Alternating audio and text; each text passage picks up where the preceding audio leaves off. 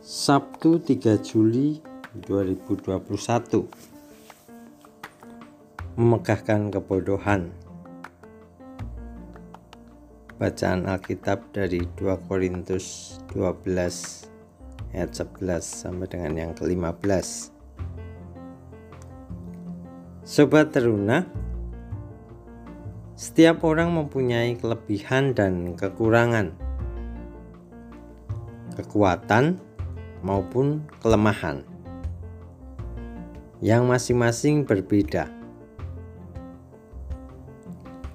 Orang sombong tidak menyadari dan tidak mau mengakui serta menerima kekurangan maupun kelemahannya.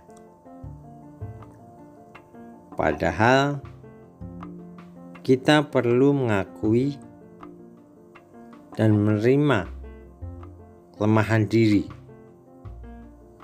agar dapat hidup bergantung pada kuasa Tuhan. Rasul Paulus berani mengakui kekurangan dan kelemahannya. Ia menggambarkan hal itu dengan menyatakan,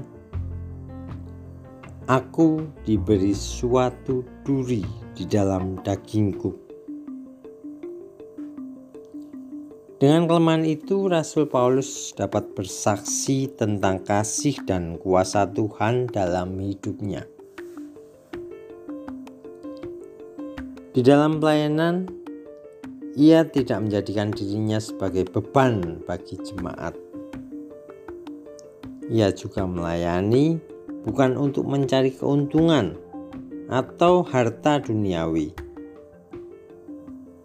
Sebaliknya, ia telah mengorbankan miliknya dan dirinya sendiri. Hal itu menunjukkan betapa Rasul Paulus mengasihi jemaat di Korintus. Sobat teruna, mari kita meneladani sikap Rasul Paulus meski ia telah mengorbankan dirinya dalam pelayanan di tengah jemaat di Korintus, namun dia tidak mau memegahkan diri.